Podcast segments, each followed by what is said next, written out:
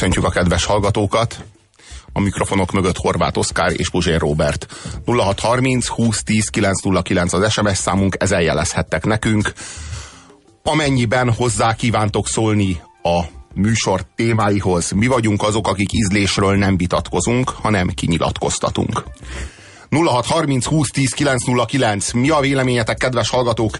Én személy szerint hülyét kapok a kézzel készített ajándékoktól, és falra tudok mászni tőlük, és főleg attól a hátborzongató közhelytől, és kizárólagos és kötelező érvényű paneltől, hogy ugyan nem kellett volna a drága ajándék, inkább csinálj valamit. Az a legszebb ajándék, amit kézzel készítesz, amit te a két kis kezeddel készítesz. Na hát ez talán így van, ha iparművész vagy. Ha iparművész vagy, akkor vedd magadra nyugodtan. Akkor valóban készíts nyugodtan ajándékot, te magad, kézzel, de attól, hogy te belerakod a szívedet, attól az még nem lesz hasz, nem is csak, hogy hasznos, nem lesz esztétikus, nem lesz alkalmas, semmire. Nem, csak a, nem csak a hasznát keressük ezeknek a dolgoknak feltétlenül, hanem a szeretet kifejezését. Csak, csak, csak mondjuk vessük össze azt, hogy ha egy könyvet adok neked ajándékba, az azt jelenti, hogy én szántam rá 5 percet, hogy megvegyem, és szeretném, ha szánnál arra 4 órát, hogy azzal foglalkozz, amit én kvázi házi feladatnak feladtam. Míg fordítva, ha kézzel készítek egy ajándékot, akkor én szántam 4 órát arra, hogy te öt percig örülj, ha, csak ezt nézzük. De most én annak örüljek, hogy te négy órát szántál valamire, ami nem ér semmit. Tehát most én azért becsüljem meg, mert te négy órát elcsesztél az életedből. Én ezt nem igazán értem. A, nem csak a hasznát nézzük. Valami, amit kapok ajándékba, az vagy legyen hasznos, vagy legyen esztétikus. Vagy, vagy jó. legyen nagyon figyelmes, bár az leginkább a hasznosból ered, ugye, hogy sok időt töltesz valamivel, és ö, hónapokkal előtte rájössz, hogy ú, de sok örömet tudnál okozni egy nagyon aprósággal. Jó, csak én, én, én nem szeretnék olyan ajándékot kapni, amivel az ajándékozó saját magának hízeleg. Hogy ő mennyire, hogy ő mennyire ügyes és mennyire kreatív. Mi és van? valójában saját magát tünteti ki, a, és téged meg fölhasznál ahhoz, hogy a saját kreativitásával magáról, saját magának, meg a környezetének pózoljon. Igen. Ö, egy csomó hazugságot mondunk ö, jó szívűségből az ajándékozások kapcsán. Ugye van az, amikor valaki mondja, hogy ja, igazán nem kellett volna menjetek a fenébe. Tehát mm. kellett volna, mert születésnapom van. Mm. Csak hát ö, nem kell, vagy hát azért mondom, mert ez egy kölcsönös születésnap, vagy egy olyan, vagy egy karácsony, hogy megbeszéltük, hogy de a felnőttek is, de nem is, nem kellett volna, tudod. nem azért, nem azért mondja, nem kellett volna, annak az a jelentése, hogy én igen, nagyon hálás, jó ünnepelt vagyok. Uh-huh. Ez ezt jelzi, a nem kellett de volna. De mégse azt a, mondom, hogy köszönöm. Pedig a nem kellett volna, az éppen nem azt jelzi, hogy hálás vagy, hanem éppen azt jelzi, hogy nem vagy tisztában azzal, hogy ez a helyzet, ez miről szól. Ez a helyzet arról szól, hogy de igen, kellett volna, és kellett is, csak talán nem ezt. Esetleg nem ezt kellett volna. Az, hogyha ö, azt mondja valaki, hogy az a legszebb ajándék, amit kézzel készítesz, és történetesen egy képzőművészről van szó, az tényleg lehet, hogy szép. Pont úgy, mint amikor kijössz a moziból, és azt mondod, hogy hát a könyv jobb volt, mert hogy azt te képzeled el, mondjuk, hát ha Martin Scorsese jön ki valaki más filmjéről, és azt mondja, hogy a könyv jobb volt, az persze, hogy jobb volt, mert azt a Martin Scorsese rendezte, amikor ő olvasta a könyvet. Tehát ezt meg tudom érteni. Vannak olyan, olyan alkalmak, mondjuk az apák napja, ami szerencsére még nem gyűrűzött be, már a begyűrözés szótól is írtózom, a, a magyar kultúrába ellentétben a Valentin nappal, de ehhez kapcsolódóan mondja azt hiszem Jim Jeffries nevű humorista azt, hogy hogy ugye kérdezi a feleség, hogy na, mit szeretnél apák napjára, és így semmit az én pénzemből végre egyszer ezen az egy napon legalább ne vásároljatok be semmit. És mondja, hogy, hogy hogy minden apának ott díszeleg a polcon egy ilyen ronda, esetlen, kis, kis, kis szeretetteljes bögre gyerekkézzel festve, vagy egy ilyen kis teherautó kifaragva, vagy valamilyen borzalom, és, de nem azt jelképezi, hogy jaj, a gyerek szánt rám négy órát, hanem hogy végre volt egy olyan nap abban az évben, amikor az én pénzemből nem költöttetek rám fölöslegesen. A jó, a fájdalmas az én számomra az, amikor, amikor a, ezek a kézzel készített ajándékok, eze, ezeknek a megjátszott örülés zajlik, ugye? Mert hogy miért örülnél neki? Valójában valójában ocsmány, de hát nyilván ocsmány, hiszen hiszen nem képzőművész, nem iparművész az illető, aki készítette. Ez a, hogy mondjam, ez a mélységes fel nem ismerése a saját határaimnak. Amikor én kézzel készítek egy ajándékot, ez az általános iskola alsó tagozatban értem, hogy kézzel készítünk anyák napjára anyukának ajándékot, és anyuka azt így, hát így örül, mert a gyerek már elbírja az ollót. Ezt, ezt szeretjük. De, de, a, de azért, azért, hogy mondjam, felnőtt emberek ne égessék már magukat azzal, hogy kézzel készítenek ajándékot egymásnak, amikor, nem, amikor ő egy könyvelő, vagy egy bérszámfejtő, hát nem ez a, nem, nem ez a munkája, meg ne egyáltalán nem is ért hozzá.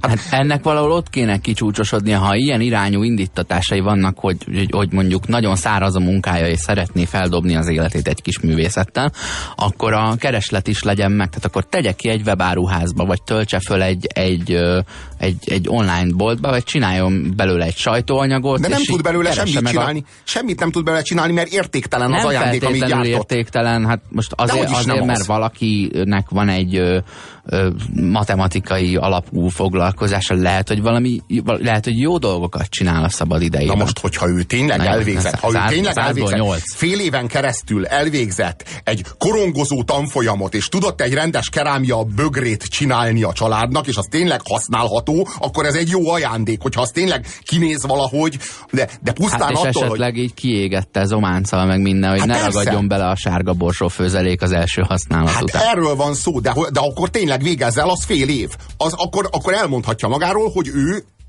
egy, hogy mondjam, egy, egy alapfokú kezdőiparművész. De de most attól pusztán, hogy hát beleraktam a szívem, hát szívből készítettem, oké, okay, értem, beleraktad a szíved, de hogyha egy kicsit, kicsit az eszedet is beleraktad volna, akkor tudtad volna, hogy ez nem egy használható ajándék, és egyáltalán nem is tudsz vele örömet szerezni. Vagy tudod mit? Akkor rakd bele a szíved, de akkor igazán a szívedet akkor rakod bele, hogyha átgondolod, hogy a másik embernek mi az, amit tényleg mondjuk aminek ő örülne. Mondjuk abba gondolsz bele, hogy ha te kapnál egy ilyen ajándékot, te vajon örülnél le neki.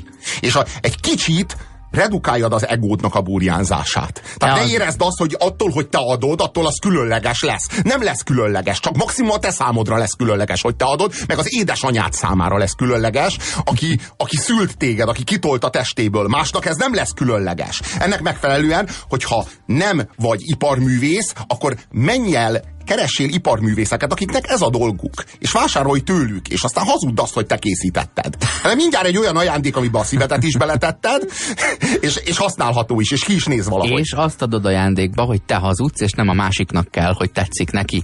Pláne, hogy ki kelljen raknia minden egyes alkalommal, amikor vendégségbe mész hozzá, majd aztán, amikor távoztok a maradék süteményekkel, akkor leveszi és visszateszi a fiókba, hogy meg ne lássa valaki. Na hát erről van szó, hogy legalább a születésnapján ne kelljen hazudnia. Legalább a születésnapján őszintén örülhessen valaminek, amiről azt gondolja, hogy te készítetted. Azért ez már nem kis dolog. Ez már egy ajándék. És érdemes volt érte megszületni. Kaptunk SMS-eket a 0630 20 10 909-es SMS számunkra. Azt írja a kedves hallgató. Sógor, sógornőm gagyi gipszképeit ki kell rakni a falra, nehogy sértődés legyen.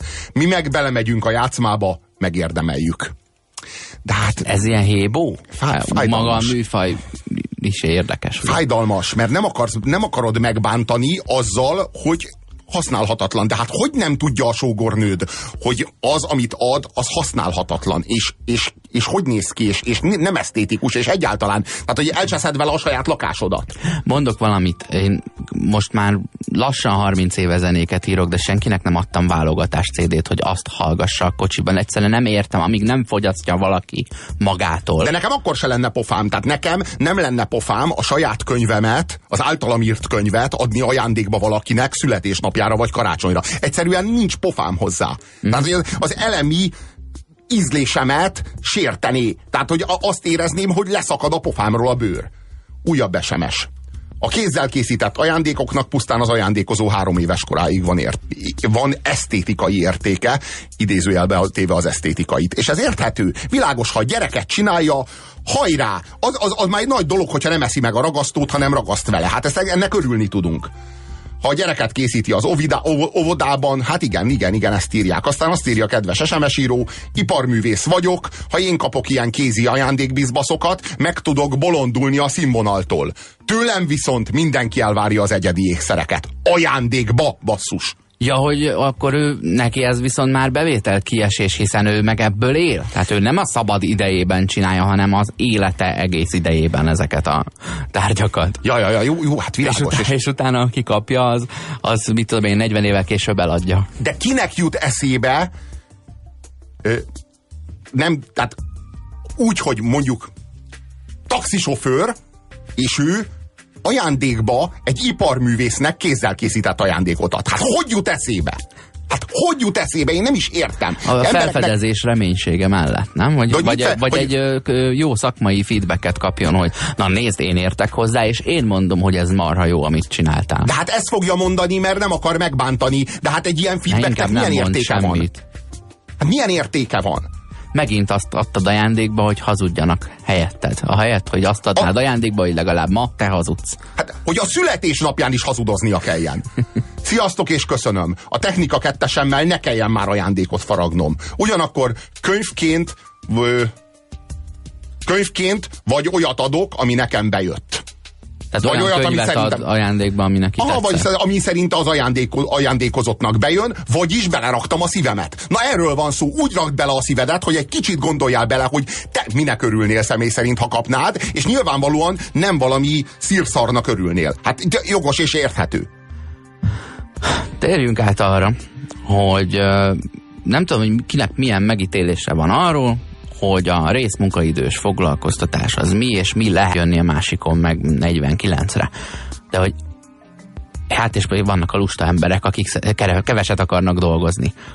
Ugye, vannak legtöbben. Hát erre a legegyszerűbb gondolni, ők a hogy ugyan támaszai. mi az, hogy ő csak részmunka, én meg egészet dolgozom, nehogy már ezeknek kedvezzünk. Tehát nem csak erről van szó. Tehát ez egyrészt egy, ez egy turista bérlet kifelé a szegénységből, hogy, hogy ha van több munka, akkor, akkor dolgozhasson valaki többet.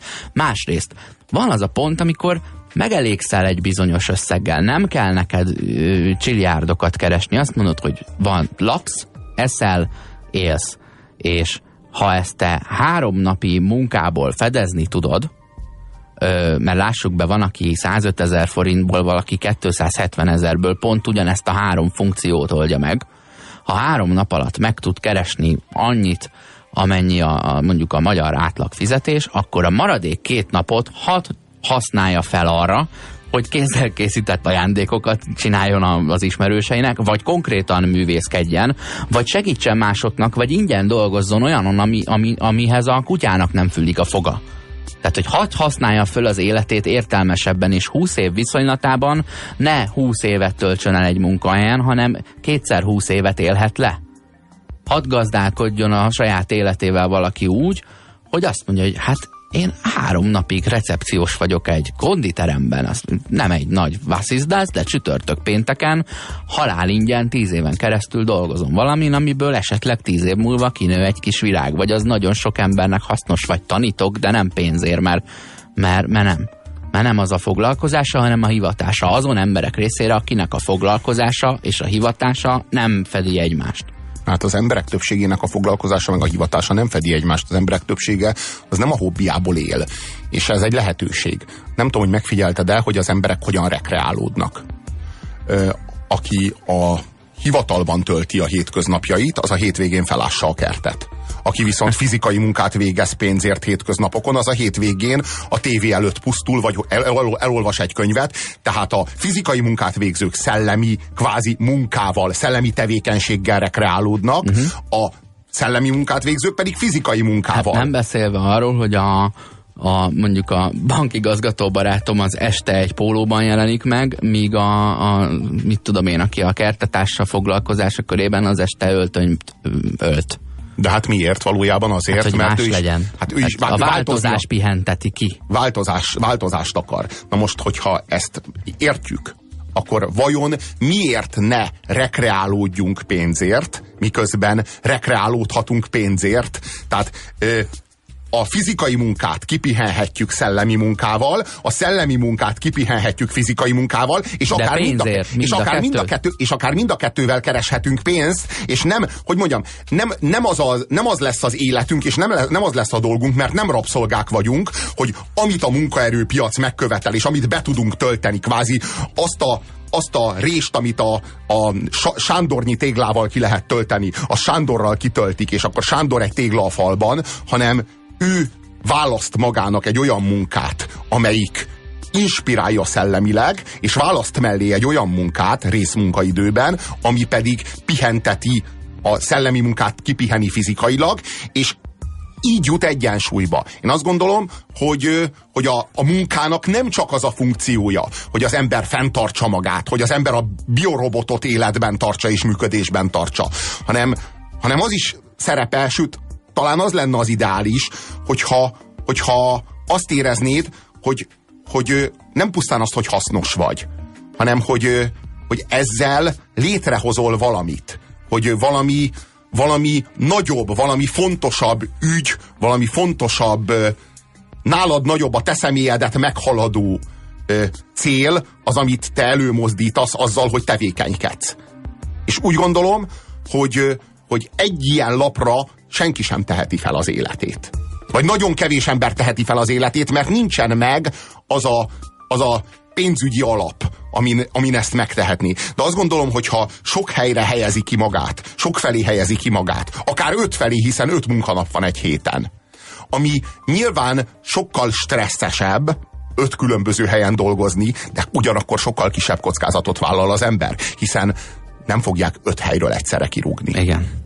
Hát azért ez, egy, azért ez egy fontos különbség, és én azt gondolom, hogy a 21. században a munkavállaló nem a munkaerő piac igényeihez kell, hogy alkalmazkodjon, és saját magából egy olyan munka, hogy mondjam, egy olyan munkaerőt kell, hogy formáljon, amely, amelyet a munkaerőpiac jutalmaz, hanem a munkavállaló is bizonyos feltételekkel tud fellépni. Ő Egy... is fejlesztheti azt a terméket, ami ő maga, és, és jó lenne, ha megmondhatná, hogy én egy héten három napra szeretném eladni magamat e- erre a célra, és kettőben arra. Igen. Tudok olyat, aki például tanárként dolgozik, és ez a főállása, de nem vállal annyi órát, mert mellette háromszor annyit megkeres szakfordítással éjszakánként, de nem hagyja abba a tanári munkáját, mert egyébként az is a hivatása, csak abból nem él meg úgy, hogy mondjuk egy öttagú családot ö, fent tudjon tartani. Nem hagyja abba, mert ő ezt szereti, tehát pont olyan tanárok közé tartozik, aki szereti a tanári munkáját, ö, és ugye ha ránézel, akkor azt gondolod, hogy hát ő tanár, és amúgy mellette fordítgat. Tehát rögtön a, kényelmesen hátradőlsz, és azt mondod, hát a tanári munkát csinálja 40 órában, hát könyörgöm, az a fő állása, közben meg nem, mert azzal a negyedi, negyede a, keletkezik a bevételének. Na hát az lenne a jó, hogyha egy állásinterjú az úgy néz neki, hogy nem csak a munkáltató szab feltételeket, és a munkavállaló az meg a kezét, lábát töri, hogy jó benyomást keltsen, hogy megszerezze a munkát, mert ez az adós rabszolgai lét hanem az lenne a jó, hogyha a munkáltató és a munkavállaló egyenlő felekként, akár kölcsönösen feltételeket szabva tudnának egy ilyen tárgyalás során a, a, a síkra szállni, és úgy gondolom, hogy ez az a folyamat, amelynek során a 21. században az adórapszolgából polgár válhat. Azt írja nekünk Szabina a részfoglalkoztatással kapcsolatban, hogy úgy tudom, a japánok alázattal viseltetnek a munkájuk iránt, ha túlórázni kell, akkor sem panaszkodnak. Itthon miért gyűlöljük ennyire ezt a bizonyos kötelességet? A munka előbbre viszi az embert. Persze nem mindegy, hogy mit dolgozunk értem ezt a véleményt, sőt, talán többségek véle, többség véleménye, talán konzerv vélemény. Én eleve ö, azt gondolom, hogy a japánokra bizonyos tekintetben is fogunk róluk beszélni, fel lehet nézni a szolgalelkűségük miatt, és ez, ez, ö, a, ez a hozzáállás is nemes tud lenni. De ö, mi az, hogy miért gyűlöljük ennyire ezt a bizonyos kötelességet? Én értem, hogy úgy fogalmazzuk meg, hogy a munka kötelező, de a világon valójában szerintem semmi nem kötelező. Mert ha valamit nem teszel meg, akkor annak következményei vannak. És ha valami kötelező, az maximum az, hogy a döntéseit, következményeit elviseld. Nem azért, mert kötelező volna, hanem mert az elől már tényleg nem tudsz kitérni, mert az megtörténik, de ami felől te dönthetsz, akarsz, nem dolgozol. És annak lesznek következményei, de nem kötelező dolgoznod. És pláne nem kötelező egy 8 órás munkára ráhúznod napi három órát csak azért, mert valaki hamisan azt mondja, hogy hát, ha nem tudod beosztani az idődet, akkor az bizony sárikám a te problémád. Eh, Oszi. Nem. én nem tudok se, senkire felnézni a szolgalelkűsége miatt egyébként. Más kérdés, hogy a japánokban van olyan, amit becsülni lehet, de szerintem pont a, pont a, a kollektivizmusokból fakadó mély, mély társadalmi szolidaritás az, amit mondjuk bennük becsülni lehet. De az a céges erkölcs, mert ez egy céges etika, amit itt nekünk a Szabina előhozott, ennek semmi köze jóhoz és rosszhoz, és semmi köze az erkölcshöz. És a, a, az, ez, ez, ez, ez a cégvezetőknek, meg a középvezetőknek, meg az üzemvezetőknek az etikája. Ez nem, ennek semmi köze a krisztusi etikához, meg semmi köze egyáltalán semmiféle erkölcshöz. Kedves Szabina, nem igaz, hogy a munka nem esít. Nem igaz. Nem, nem, nem igaz. Attól, hogy elvégzel egy munkát, nem leszel jobb ember. Ezt nem tudom, hogy hol olvastad, ezt nem tudom, hogy honnan vetted, nem igaz. Egy, a Bob ö, és Bobek elejéről aztán. Hoznék egy, hoznék egy példát, ö, hogy mi az, ami nem esít szerintem. Például, hogyha mondjuk ö, ö, felidézzük, hogy mit mondott Jézus arról, hogy hogyan élj, élj úgy, ahogy is van. Bánj úgy másokkal, ahogy szeretnéd, hogy veled bánjanak. Na, ez egy erkölcsi tétel. Erre azt lehet mondani, hogy ez megalapozza az erkölcsöt.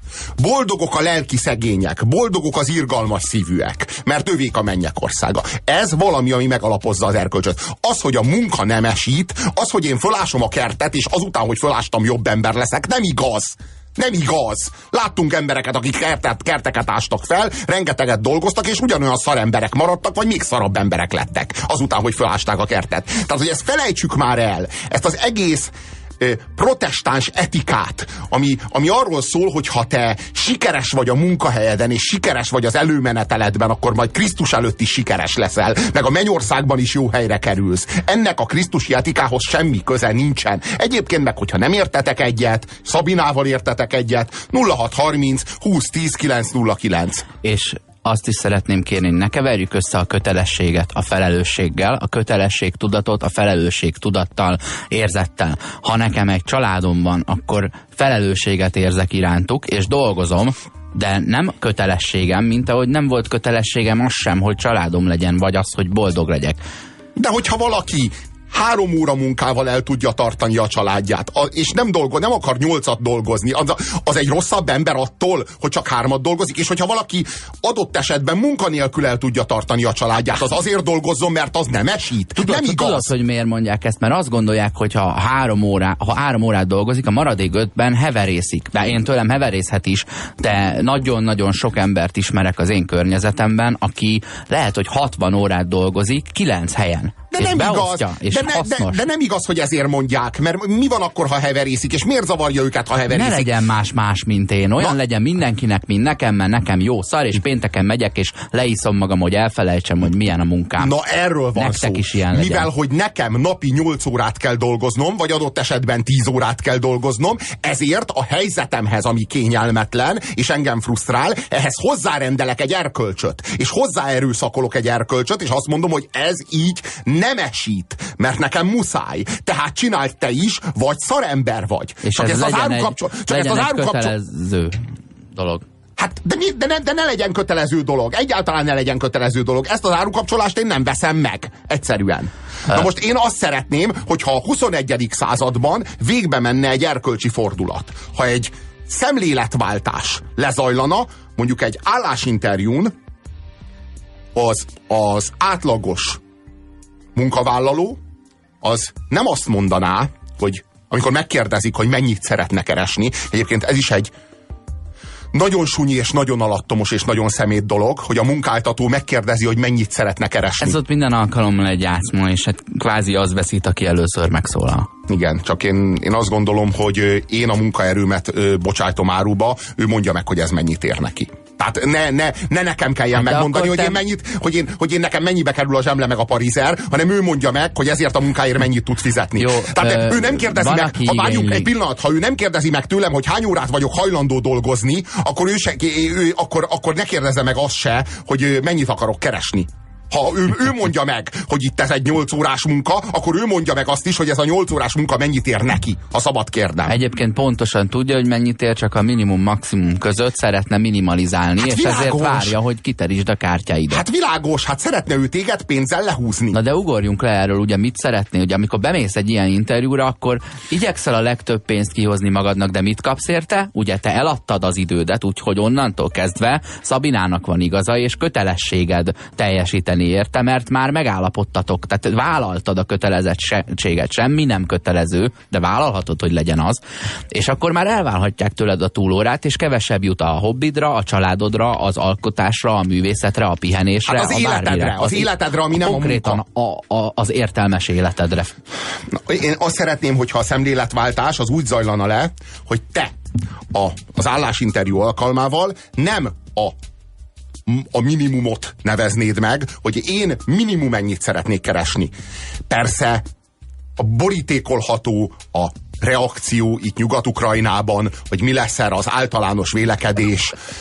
Majd hülye leszek, majd hülye leszek, mert nem annyit keresni, nem a maximumot mondani. Hát jó, hogy többet akarok keresni, nem? Csak tudod, abban különbözik Nyugat-Ukrajna Közép-Európától, hogy Nyugat-Ukrajnában minél többet akarok kihozni a munkából, minél többet akarok hazavinni jó sok pénzért, jussak haza, hogy megvessem a Mercedes-t. E, Közép-Európában meg az a szemlélet, hogy szeretnék egy életet magamnak, és nem akarok többet dolgozni, nem akarok többet áldozni egy cégnek, nem akarom jobban kiszolgáltatni a munkaerőmet, mint amennyi a megélhetésemhez szükséges. Mert szükségem van az életemre, és nem akarom áruba bocsájtani teljes mértékben. És ezért nem a maximumot mondod be, hogy, hogy mi az, amit úgy, úgy kéne, hogy adjanak lehetőleg, hanem a minimumot, amivel már beéred, amire, amire azt mondod, hogy ez az összeg nekem elég arra, hogy utána a maradék időmben, ami legyen minél több cserébe azért, hogy nem egy nagy összeget mondtam, én, én azt értékesen és biztonságosan tudjam tölteni. Az én álmaimban a jövőben egy állásinterjú nem úgy néz ki, hogy azt mondom, hogy én szeretnék megkapni minimum 650 ezer forintot, hanem úgy hangzik, hogy én szeretnék megkapni maximum 500 ezer forintot. Mert amikor én a maximumot nevezem meg, akkor az, azzal azt mondom el, hogy én ennek a cégnek 500 ezer forintig árusítom ki a munkaerőmet, és nem tovább.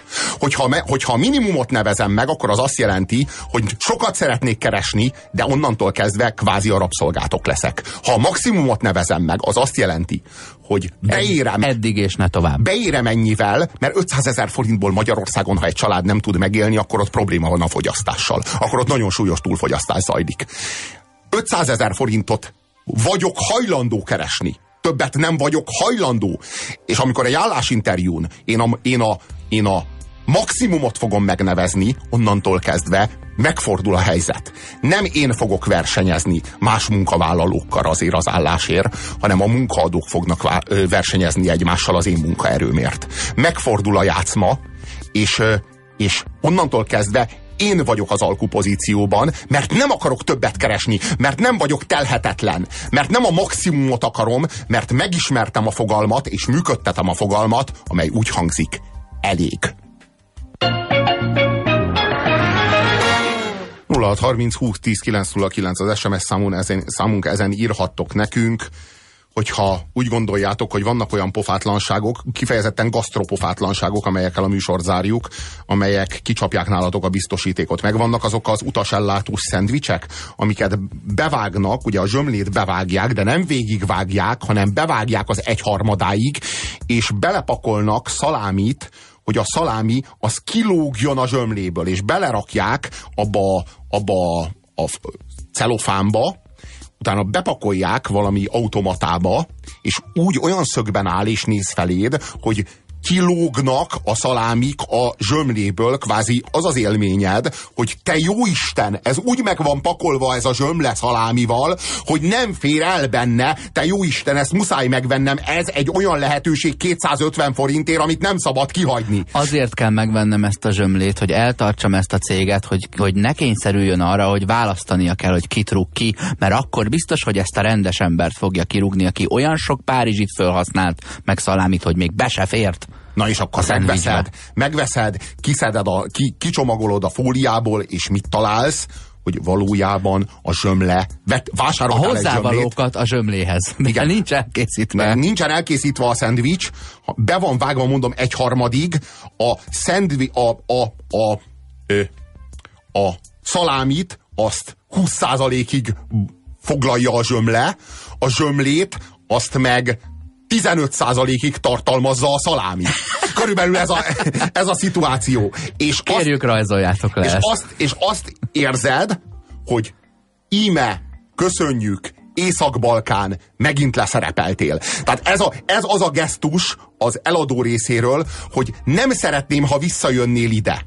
Nem szeretném, ha még egyszer vásárolnál tőlem bármit, könyvelj el engem, hogy egy szemét, ecseri piacos csaló vagyok, és most elnézést kérek a tisztességes ecseri piacosoktól az utolsó észak-balkáni szélhámos vagyok, itt a piros, hol a piroson elnyertem a pénzedet, most már földughatod a zsömlédet, a szalámikat, azt meg ad oda a gyerekednek, ha kell, azt etesd meg vele, nem érdekel, elmehetsz az anyádba, mert kifosztottalak. Itt és most. Nyertem. Tehát nem, arról, nem arról van szó, hogy én szeretném, hogyha holnap is, holnap után is, jövő héten is jönnél, mert ha, ha, ha tisztességesen járna el, félbevágná rendesen azt a zsömlét, megvajazná rendesen azt a zsömlét, belerakná azt a három-négy sz- szalámit, belerakna mondjuk egy sajtot, holnap is visszajönnék, esetleg egy zöld paprikát, holnap után is, esetleg egy paradicsomot, jövő héten is, esetleg egy kis új hagymát, két hét múlva is. Mindezt mivel teszi meg? A, a, a, a hordozható Magyarország almával. Ugye a szalámis zsömle az a mindenki saját kis országalmája, amit vihet külföldre, és jelezheti vele, hogy ő magyar, mert ő csomagolt egy szendvicset az útra. És megpróbálsz ö, rendes, ö, kádári hagyományokkal ö, ízlésesen megfestett magyar polgárrá válni, amikor az utazásodhoz egy szalámis ö, zsömlét igényelsz, és kiderül, hogy azt senki nem készítette el. És ez vissza, visszautal azokra a rossz vendéglátókra, akik kiraknak ilyen szendvicseket otthon, de nem fedik le az egészet, mert magának lehet, hogy megcsinálná, de azért a vendégeknek majd azt a felé teszi meg, vagy jó lesz az úgy is, de hát azért olyan pu- puritán, olyan kis hülyén néz ki az a vajas fél, hát azért legalább egy csöpp piros aranyat tegyünk oda, hát ha azt hiszi, hogy az is egy felvágott. E- ez is borzasztó. Nekem, nekem a, a gyerekkoromban a buktát zabálni, az volt egy olyan élmény, mintha maratont futnék, mert mikor jön már a, a lekváros rész, még ha lekvár volna egyébként, mert ugye egy, gyakorlatilag ilyen ipari jam volt benne. És akkor így ettem, de azt mondtam, hogy jó, hát ezt gépek csinálják, nehéz úgy beállítani, hogy amikor megdagad a tészta, akkor így pontot legyen, de, De ez annyira jó, hogy- így ilyet hozol De ez létre annyira jó, hogy magadat mardosod, miközben eszed, hogy nincs a lekvár. Tehát, hogy így te vagy az igazságtalan. Hát Hát, a gépet nem tudják Hát beállítani. körül, hogy a többi Szerencsétlenek, hogy sajnálod szereti. őket. A többi gyerek az oda van, hogy jaj, de jó, ma bukta van. Hát mondom, ha így örülnek, akkor biztos jó, és én mindig azt gondolom tényleg, hogy én vagyok a hülye, mert a rossz feléről kezdtem el, mert a másik oldalon hamarabb jött volna a lekvár, csak előbb is van vége. Sehogy nem jó. Nem jó. Nézd, a szituáció az az, hogy ö, attól vagyunk mi, Nyugat-Ukrajna, hogy nem akarunk tartós, jó együttműködést a fogyasztóval. Nem törekszünk a kölcsönös elégedettségre, nem gondolkodunk nem hogy hosszú távon, még középtávon sem, hanem a rövid távú meggazdagodás, a gátlástalan nyerészkedés, a másiknak az átkúrása, ez a szemléletünknek az alapja, ez a világunknak az origója. Nincsen más, nincs is más, más modell. Ez, ez a modell verseng a nem dolgozással. Tehát a, a munka leginkább az azt jelenti, hogy vagy áruba bocsájtom a munkaerőmet, vagy kizsákmányolom és kifosztom a másikat. Ezt a két dolgot jelenti a munka.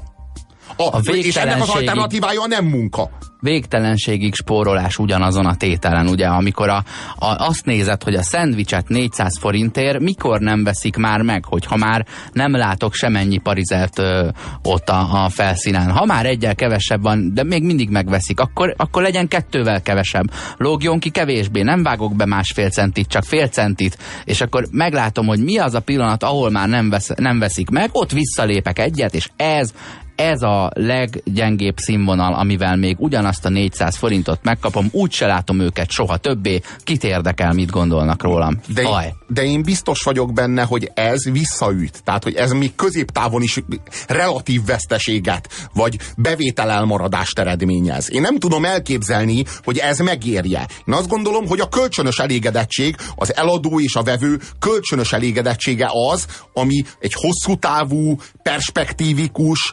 fenntartható működést tud eredményezni. Kérdezi a kedves SMS író. 500 ezer, mi négy tagú, mi négy tagú kisgyerekes család, összesen 150 ezerből élünk. Ez elég a szükségletekre, persze kis ökológiai lábnyom mellett. Mire megy el 500 ezer? Hát világos, nem tudjuk, hogy mire megy el 500 ezer, ezért nem is értjük, hogy miért kell egy állásinterjún a, a mindenek, minden körülmények között a minimumot bemondani, hogy annál csak többet vagy hajlandó. De éppen arról van szó, hogy a 21. században úgy gondolom, hogy 500 ezer forint az legyen a maximum, és az jelentse azt, hogy adott esetben 350 ezer forintért elmegyek, és az is bőven elég nem is az a lényeg, hogy mennyit mondasz, nem is az összegszerűség a fontos. Ne soha ne a minimumot mond be állásinterjún, hanem mindig a maximumot. És majd eleinte nézni fognak, hogy mi van, te hülye vagy, te a saját pénzed ellensége vagy? Nem, nem a pénzed ellensége vagy, hanem az időd barátja. Az legyen, az lebegjen a, a füledben, az a szó, hogy elég és az, hogy egyenrangú felek ültök ott egymással szemben, és amint üzletet kötöttetek, akkor lesz valami kötelező, addig semmi nem az. Köszönjük a figyelmeteket. Sziasztok!